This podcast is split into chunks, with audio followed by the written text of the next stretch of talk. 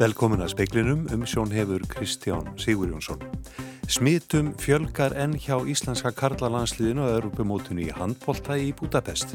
Seks leikmenn er úr leik fyrir viðregnuna við Dani í kvöld. Frelsið býtur í skotti á sér, sagði heilbriðisráð þeirra þegar hann varaði við því að of geist væri ráðist í afléttingu sótvarnar ástafana. Þingmaður sjálfstæðisflokksins sagði laungu komin tíma til að stjórnvöld leytið þjóðina út úr ógöngum. Trátt fyrir mikinn fjölda smita í samfélaginu er þróun mála á landsbítala ánægileg, segir sóttatanlegnir. Profesor í stjórnmálafræði býst við að mannaskipti eftir kostningar í sveitastjórnum í vor verði jafnvel 65%.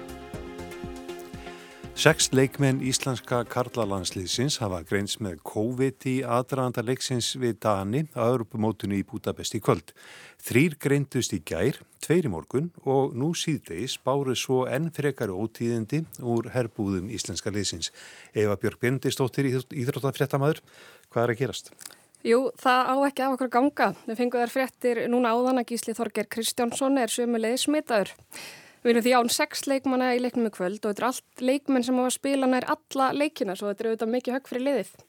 Þetta, það er sem sagt 14 leikmenn eftir aðeins um 20 sem að fóru út. Hvað getur guðmundur gert í þessari stuðu? Það sem hann hefur gert nú þegar er að kallin tvo leikmenn í hópin sem að hitta þá liði á morgun en geta náttúrulega ekki verið með í kvöld.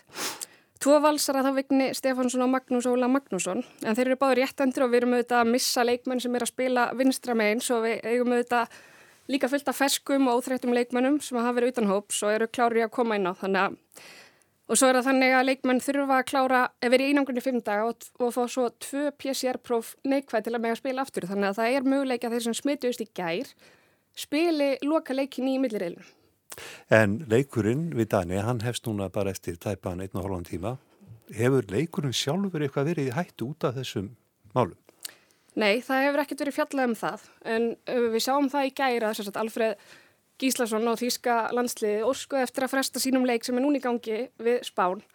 En fengu ekki samþykja á EHF, þannig að þeir þurftu bara að kalli nýja leikmenn og hérna leikurinn er í gangi núna. En það er eiginlega spurning sko hvers sátti danindir eru við að spila við okkur þar sem það er ekkit útséð að við séum búin að ná utanum smiti í rauninni. Maður veit hversi, hversi lúmsk þessi veira er sko. En leikurinn fer samt fram og við erum með sterkar leikmenn og, og það getur enn allt gerst. Takk fyrir þetta Eva Björg og þess maður geta kvöld frétti sjómars eru hálf tíma fyrr á ferðinni en vennilega klukkan 18.30 vegna leiksins. Stjórnarliða greindi áum það á þingi í dag hversu hratt ætti að aflétta takmarkunum vegna COVID. Þingmaði viðreysnar saði sjálfstæðismenn tala mikið gegn er ástöfunum en ekkert gera gegn þeim. Þingmenn rætti í dag munlega skýslu heilbreyðsar á þeirra um sóttvarnar ástafanir sem hafa verið í gildi síðast einn og halvan mánuðinn. Diljá Mist Einarstóttir, þingmar sjálfstæðsflokksins, sagði að þjóðin hefði lengi orðið að aðlaga sig að þörfum landsbítalans en því ætti að vera öfugt farið. Nú væru harðar takmarkanir á börn og fullortna. Það er löngu tímabært að ríkistjórn og þing taki að sér sína lögbónu og líðræðslegu skildu og taki fórustu í því að leiða Íslands samfélag út úr þessum ógöngum. Sagði Diljá Mist. Viljum Þór Þórsson heilbreyðsar á þeirra sagði að allir vildu aflétta takmörkunum en að það er það að gera skinsamlega svo ekki færi illa. Það sem ég, mig greinir sérstaklega á við háttiftan þingmann og ég segi það bara hér og nú að frelsið býtur svo illa í skottið á sér í þessu samingi. Við getum ekki glemt því þegar háttiftan þingmann drefa það fram og já það er frum skilda heilbreyðis yfirvalda að verja líf og helsu landsmanna.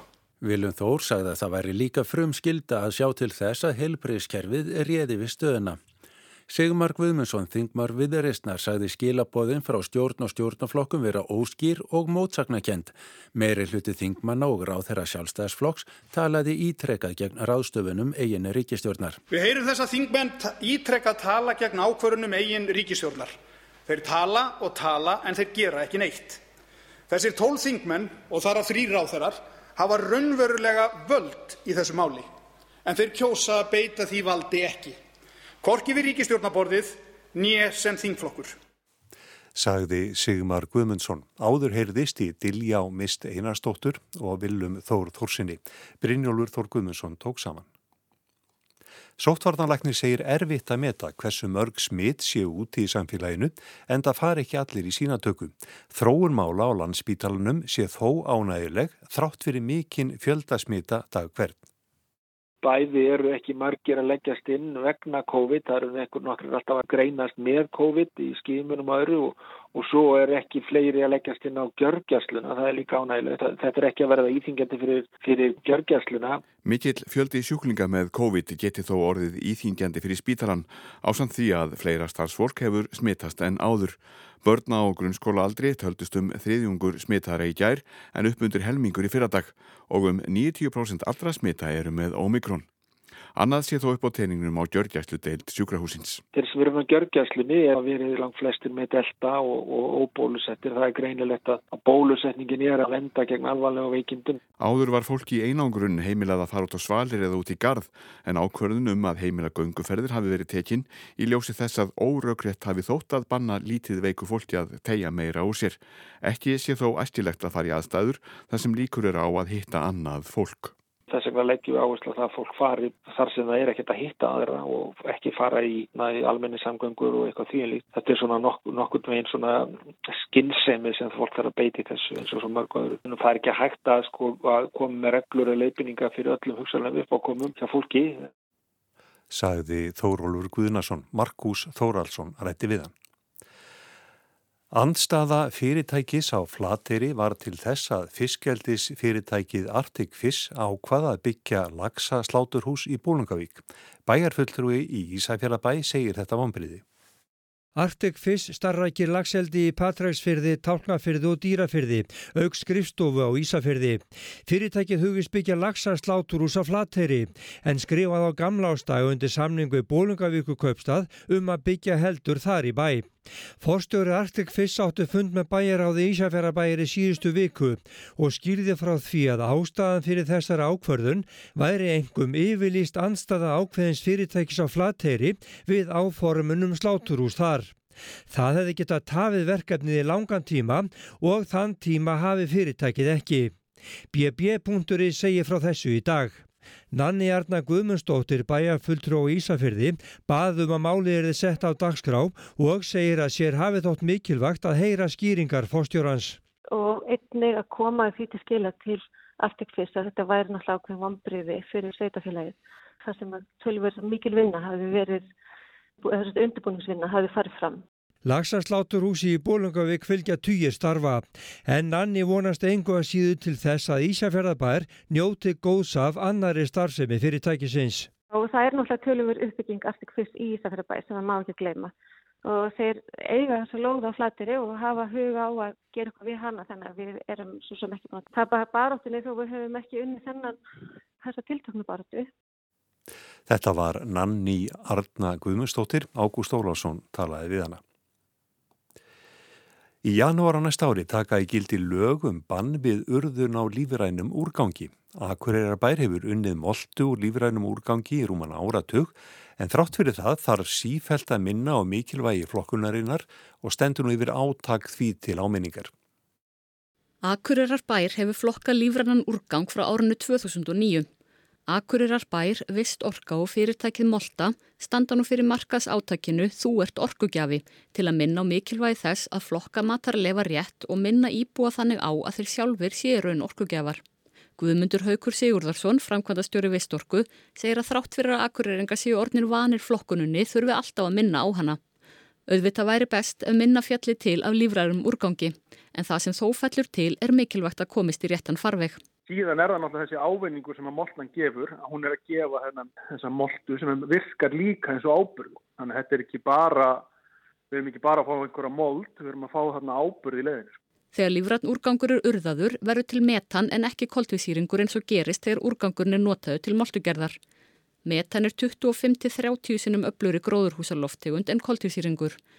Þegar laugin taka gildi á næsta ári áætla stjórnvöld að losun frá úrgangi árið 2023 drægist saman um 104.000 tonn af koltvísýringsgildum. Veist þú eitthvað hvernig staðan er hjá öðrum sveitafélagum? Það eru semst öll sveitafélag núna bara á fullu að fara að innlega þessi nýju lögum ringráðsarhækkerfið Akkurar bær hefur verið í miklum samtölum með sveitarfélagum sko, hvernig á samtals og samband íslenskum sveitarfélagar er á fullu að hjálpa sveitarfélagum. Saði Guðmundur Haugur Sigurðarsson, Anna Þorbjörg Jónastóttir tók saman. Það spáir vonsku veðri á vestan og norðamerðu landinu sent í kvöld og gul eða appilsínu gul viðvörun er í gildi frá miðnætti, fram eftir degi á morgun og alveg fram á aðfaranótt lögardags. Eftir um fjóra mánuði, síðasta lögadaginn í mæ, verður kosið til sveitarstjórna í öllum sveitarfélögum landsins. Þau eru mörg og misjöfn og misfjölmenn frá því að vera með um 40 íbúa upp í höfðborgina með um 130.000. Sveitarstjórna stíið er eitt, en sveitarfélögin næstum jafn ólík og þau eru mörg. Eva Marín Lindsdóttir er prófessor í stjórnmálafræði við Háskóli Íslands. Munurinn á pólitíkinni sem fer þarna fram, verkefnunum sem fer þarna fram og hvaða hlutverk síðan kjörni fulltrúar hafa í þessum stjórnum. Það er náttúrulega gríðarlega ólíkt. Það sem þið eigaði náttúrulega samilegt er að þau eru öll kjörin af almenningi, bytni kostningu. Fyrir þingkostningarnar í haust var mörgum orði ekki verið augljóst hvert væri helsta kostningamálið. Eva Marín telur síst auðveldar að greina það hvert er helsta málið í sveitarstjórnarkostningum. Það hefur verið sínt fram á það að það er mjög svona veik tenging getur við sagt á milli uh, sveitarstjórnarkostninga og, og til dæmis landsmáluna. Það er ekki endilega þannig að það sem er heitt í landsmálunum fari einfallega niður á sveitarstjórnstíðin og, og þannig eru staðbundnar aðstæður þær skipta gríðarlega miklu máli þannig að, að hérna, það getur verið mikill munur bara þó svo að það séu ég að vel sveitafjölu sem líkir hliðið hlið, það getur verið mikill munur um hvað verið er að berjast á hverjum stað fyrir sig. Það sé því valla hægt að ganga út frá því að mannum hefnist fyrir í héræði sem handlaðast á alþingi eða þá að flokkar græða á því í sveitarstjórn að þeir séu í góðum málum á þingi. En við hefum heldur ekki gleyma því að, að sko ef við horfum á allt sveitarstjórnstegu og öll sveitafélagin þá eru náttúrulega mjög mörg þeirra og ég hugsa alltaf helmingur sem eru ekki með eiginlega flokka innan sinna viðband. Heldur þetta fyrst og fremst einhvers konar staðbundnir listar, málöfna listar eða eitthvað sem er raunin tengt þá bara staðbundnum aðstæðum. Það hefur borðið nokkuð á því og svona kannski verið vaksandi þungi umræðu undanfæri með það sé erfitt að fá fólk til þess að gefa kost á sér taka þátt í sveitastunum.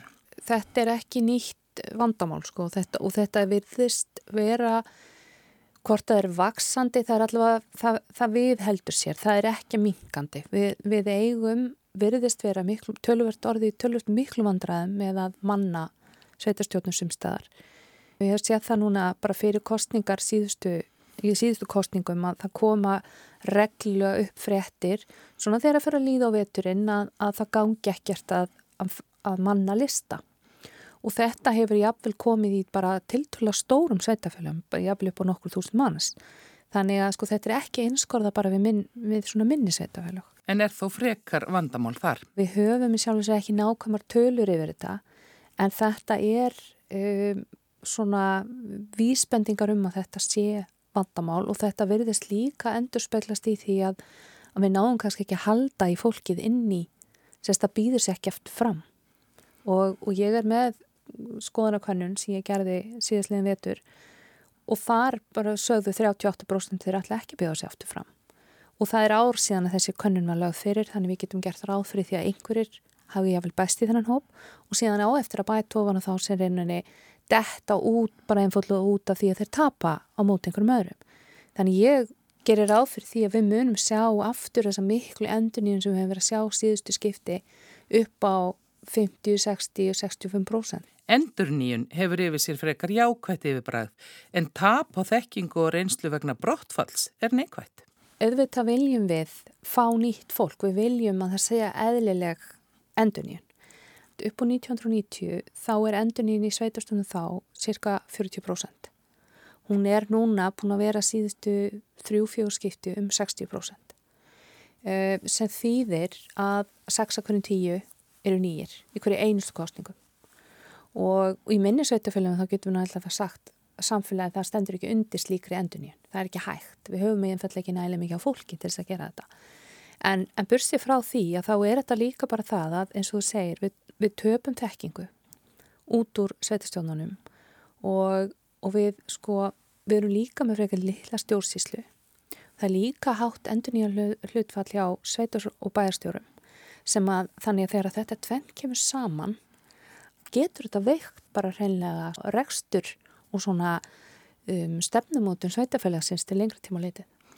Nú hefur verið vist þróun undanfarnar árum stækkun og vilji til þess að stækka sveitafjölögin og það tala um þá oft í samingi við eh, fjölgumverkefna sem að þau þurfa að taka við og þau þurfa að vera viss svona krítisku massi bara þess að getur staðið undir þeirri þjónustu sem að núna er á vegum sveitafjölana. Hva, hvað finnst þér um þessa þróunum um tilfæslu verkefnina og líka hvað þurfa sveitafjölögin að vera stór?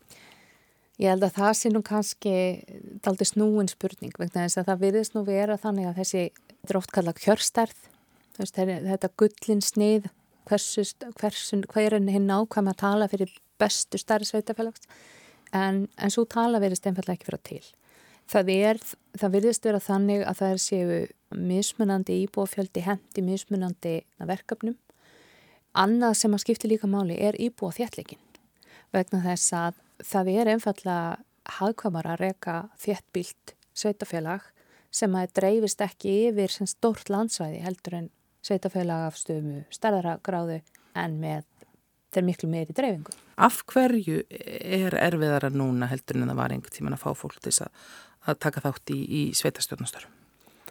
Ég held að það sé ekkit eitt sko, svar við þessu. Það hafa verið nefnd ímis máli eins og til dæmis bara vinnuálag það er tímafrekt að vera í þessu starfi og það er mikið vinnu álega það, það er náttúrulega líka annað. Við, við höfum gjör breytt sveitsartónstíðin okkar. Við erum búin að færa miklu fleiri verkefni niður til sveitafélagana og öll framkvæmd og umsýsla sveitastöndamálur var miklu miklu flónæri og hún var fyrir einhverjum ártjón síðan. Við höfum kannski ekki breytt svo miklu í því hvernig við hönnum og skipulegjum sveitastjórnundar okkar sjálfar. Það veriðist vera sem að álægið á einstaka sveitstundmenn hafi aukist mjög mikið. Þetta er klárlega eitt þáttur. Síðan er annað sem hefur verið nefnt og maður hefur séð umræð um þetta á síðustu missurum. Það er þetta að fólk upplifir mjög mikið neikvægt umtal og mikið neikvægt áriti í stöðu sinn sem kjörum fulltrúi. Þetta hefur kannski einhver áhrif á einhverja að þeir bara veira sér jáfnvel við annarkort að fara út í, þessi, út í stjórnmál eða að þeir ákveða að hætta hverja lausnitin eru á þessu er kannski ekkit svo einfalt. Það hafa verið nefndar hugmyndir eins og til dæmis bara það að greiða meira fyrir það að vera kjörfjöldtrói, jafnvel að gera þetta fullir stöðu sem staðar. Hvort að það muni leysa allan vandan er ég ekkit alveg vissum vegna þess að við lesum til dæmis ekki vandan hvað var það neikvægt umtála áruti með því að hækka launin. Mögulega hækkum við þólstig viðkomandi aðala fyrir þessu neikvæða áruti umtála ég er samt ekkit alveg samfarið um það vegna þess að að það sem að hvetur okkur áfram til þess að bjóða okkur fram til félagstarfa sem að sko það að vera í sveitistofn er í grunninn. Það er ekkit endilega launin. Ég veist að fæstir myndur svaraði til að þeir hefur farið út í þetta vegna þess að það væri svo vel greitt fyrir það. Þeir, það er eitthvað annað sem er að og þá er það spurningin sko hefur þessi kvati breyst? Er eitthvað þarna í ungferjunni, er eitthvað í ungferjunni sem hefur breyst svo mikið að það eru aðrir kvatar í dag sem fá fólk til þess að bjóða sig fram heldur um voru fyrir einhverjum árutjum. Við vitum það náttúrulega að margir líta á það svona sem nánast í borgarlega skildu sína til að, ta að taka þátt í sveitsumónu og ég hef grunum það að þessi tenging, hún hafi ég vel eitthvað minkað og þá sérstaklega eftir því sem sveitafélagum verið starri. Maður heyrir samt líka í litlu sveitafélagunum undir þúsund íbúum að það er gríðalegt álag á mörgum þegar fólki finnst þetta líjandi og ég veldi mitt fyrir mér sko, er þetta raunverulega þannig að hefur verkefnunum fjölga svo mikið að þetta er orðið miklu miklu meira það var eða er einfallega það að, að þólokkar gagvart þessum verkefnum hefur minkað. Við séum ekki lengur tilbúin til þess að gefa allt okkar lífi í þetta verkefni eins og mögulega fyrir kynnslóður við hérna gerðum. Þetta var Eva Marín Lindstóttir. Anna Kristýn Jónsdóttir talaði við hana.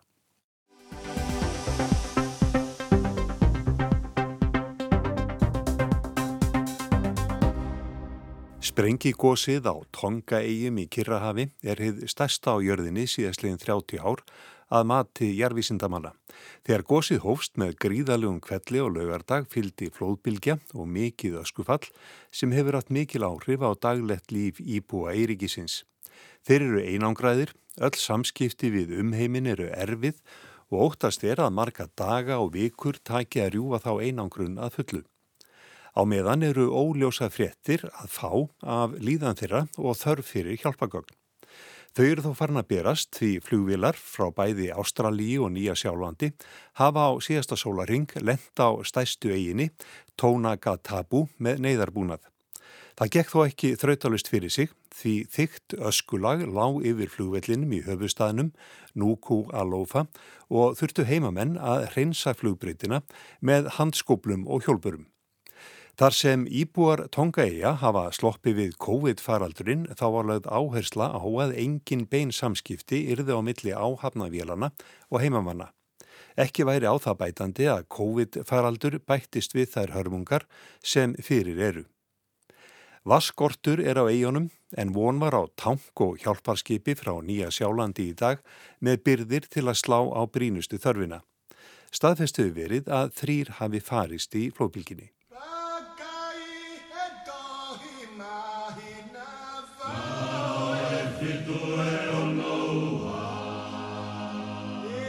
Tonga-eyjar tilheyra einum af þremur eyjaklösum Kirrahafsins, Pólinesju. Hínar eru Mikronesia og Melanesia. Á Kirrahafi, stærsta úthafi heims, er á milli 20 og 30 þúsund eigjar sem flestar líta út eins og títuprjónahausar á landakorti. Aðrar sjástvarla. Segja má að aðeins tvær stórar eigjar tilheyri þessum eigjaklösum, Nýja Sjáland og Nýja Gínea. Hínar eru mislitlar og misþektar. Þektastar eru vantanlega Hawaii, Tahiti, Samoa og Fiji-eyjar. En á mörgum þessara eyja sem virka kannski eins og krækibera ónendum stað og eru framandi augum okkar Íslandinga býr fólk með sína menningu og sögu. Tonga-eyjarnar eru um 170 talsins, flestar óbyggðar en búið er á 36 eyjum. Það er liggja í um 2400 km fjarlægð norð-austur af Nýja Sjálandi og um 800 km suð-austur af Fiji-eyjum. Rúmlega 100.000 manns bú á þessum 36 eyjum. Lang flestir á stæstu eyjini, Tongapatu, eða 75.000 manns. Sprengikosið varði í eldfjalli 60 km frá Tongapatu og því maður næri geta hvort íbúum hafi ekki orði hvert við á lögardaginn. Eldfjallið Hunga Tonga Hunga Hapai er nær allt neðansjávar en toppurfjálsins náði þó upp fyrir sjáamál þegar atbyrðurinn varð. Tonga er sjálfstætt ríki, konungsríki innan breska samveldisins. Íbúarnir eru nær allir frumbyggjar af pólinesískum uppruna. En þó hefur fólk af evróskum uppruna flutt í vaksandi mæli til ríkisins eftir 1970 og blandast frumbyggjum. Íbúarnir eru kristnir. Um þriðjungur eru methodistar, fymtungur mormónar, katholikar eru þó nokkrir en aðrar kirkjudeldir eru minni. Aðaltungumálið er frumbyggjamál sem kentir í skólum en enska er útbreytt þar sem Tonga var brest verndarsvæði allt til ársins 1970 þegar landi fekk fullt sjálfstæði. Flestir íbúar, nálagt 80% búa í dreifbíli eða litlum þorpum og hafa lífsviðværi sitt af allskins ræktum, meðal annars kókosnetum, banunum og vassmelunum. Á Tonga er samfélag með nokkuð sterka innviði í skólum, samgöngum og helbriðiskerfi. Kongurinn og ríkistjótnin fara með völdin í svo kvölduði heimaráði en á þingi sitja 26 þingmenn. Útibú frá söður Kirrahafsháskólanum er í höfustafnum Nuku Alofa. Mannvista leifar frá því þúsund fyrir Krist hafa fundist á Tonga og vitað er að kongar og drottningar reðu það ríkjum frá tíundu öld. Hollenskir landkönnuðir komu fyrstir Evrópumanna til Tonga snemma á 17. öld en fyrstu förstu samskipti Evrópumanna hófust ekki fyrir henni í kjölfar komu James Cooks, landkönnuðar og kaftins í breska sjóhernum sent á 18. öld. Cook kallaði eigarnar vina eða vináttu eigar vegna þess að hann hreifst svo af gesturisni eigaskækja. Síðar kom reyndar í ljós að þeir plottuðum að drepa Kúk og hans menn en komu sér ekki saman um hvernig og ekkert varð úr áformunum. Árið 1845 nær maður að nafni Tafa Há völdum og hann lætur krína sig til konungs undir nafninu Georg Tupó fyrsti. Hann þótti farsæl þjóðhauðingi til ársins 1893, sameinaði eigarnar undir eina stjórn, samti stjórnaskrá og mótaði stjórnkerfið. Stórveldin, Þískaland, Bretland og Bandaríkin viðurkendu sjálfstæði Tonga í lok 19. aldar.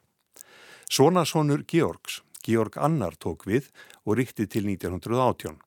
Undir hans stjórn varð Tonga að bresku verndarsvæði en hjælt sínu sjálfstæði aðlega til að verjast ágangi þjóðirja.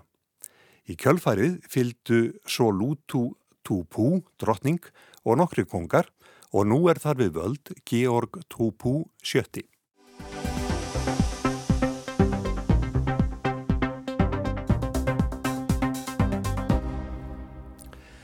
Nú er aðeins réttrúmi klukkutími þar til leikur Íslands og Danmerkur hefst á Europamóti Karla í handbólta í Budapest. Ísland mætir með laskað lið og fáment því sex leikmennliðsins hafa greins COVID-smittaðir og eru úr leiki bíli. Þetta eru allt leikilmenn í liðinu, Björgvin Pál Markverður, Elvar og Ólafur greintist í gær, Aron og Bjarki í morgun og nú síðdeis bættist Gísli Þorgir við. Í símanum er Guðrýður Guðjónsdóttir, markvaldur Íslandsmeistar í handbólta, landslýskorna og þjálfari. Guðrýður á Ísland möguleika þrátt fyrir þessi áfell? Þetta er ju alltaf möguleika, við hefum alltaf möguleika í handbólta en þetta er alveg hrikald sjokk. Drengið er búin að spila alveg eins og englar og, og standa sér alveg ótrúlega vel og þó við höfum farið kannski svolítið vendinga laus inn í þennan danaleik sem er náttúrulega meðalveg tryggalega flott lið að gæti allt gerst eins og liðið hafi spilað. Það er ekki spurning en, en auðvitað er þetta erfitt og ég held að þjóðvinn og, og við bara öll við sem bara í smá sjöki. Getur það gæst að Danir verði á sigurvísir?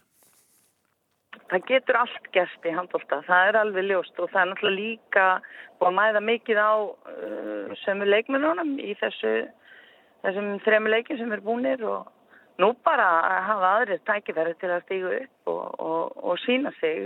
Breyttin er, hún er fín í liðinu þó auðvitað séu líki leikmenn, líki leikmenn. En þá, eins og ég segi, þá bara verða hinn að stígu upp. Þa, það getur allt gæst og auðvitað geta danirni mætt og séu þessi leikin að sjálfsögðu. Hvernig heldur að Guðmundur leggji leikin upp?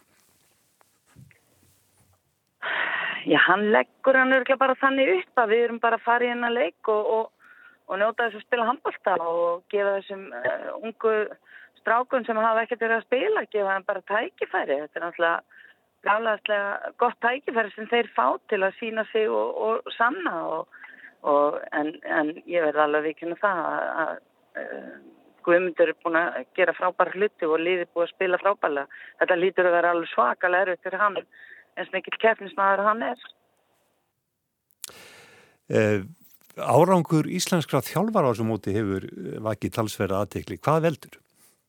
Það er einhvern svona góða þjálfara. Við bara eigum óbúslega metnaða fulla þjálfara og leikmenn í handbólta og, og það er náttúrulega bara frábært að sjá að við séum komið með þrjá þjálfara núna inn í, í millirriðluna og allir brjálæslega góðir en við, ég held að það sé bara vegna þess að, að handbólta er, já, ég segi okkar þjóðar í þrótt og, og, og við hefum verið á hverju stórmótur á fætur öðrum með uh, íslenska karlavannsliði og, og þjálfarar, leikmenn það er allir með þetta íslenska hjarta og við erum með rosalega mikla geðviki og við leggjum ótrúlega mikið á okkur. Þannig, og það eru þess þjálfarar að gera og, og maður þekkir störf þessar, þessar þryggja sem eru þarna og, og þetta eru bara ótrúlegi kærnismenn og, og frábæri þjálfarar Guðriður, við vonum þið besta að þetta fari allt saman vel. Takk kærlega fyrir spjallið. Já, takk sem leiðis. Þetta var Guðrýður Guðjónsdóttir sem að spilaði ófáa landsleiki fyrir Íslandsönd, markvaldur Íslandsmeistari. En það var helst í speklinum að smitum fjölgar enn hjá Íslandska kallalandsliðunni á Europamótunni í handbólta í Budapest. Seks leikmenn eru leik fyrir viðraugnuna við Dani í kvöld. Frelsið býtur í skotti á sér, saði helbriðisráð þegar hann varaði við því að of gest væri ráðist í afléttingu sóttvarnar rástafana. Og þrátt fyrir mikla fjölgun smita í samfélaginu er þróun mála á landsbítalanum ánægileg, segir sóttvarnarlæknir. Tæknumæri útsendingu var, útsendingu var Magnús Þorstedt Magnússon, speiklinum er lokið, veriði sæl.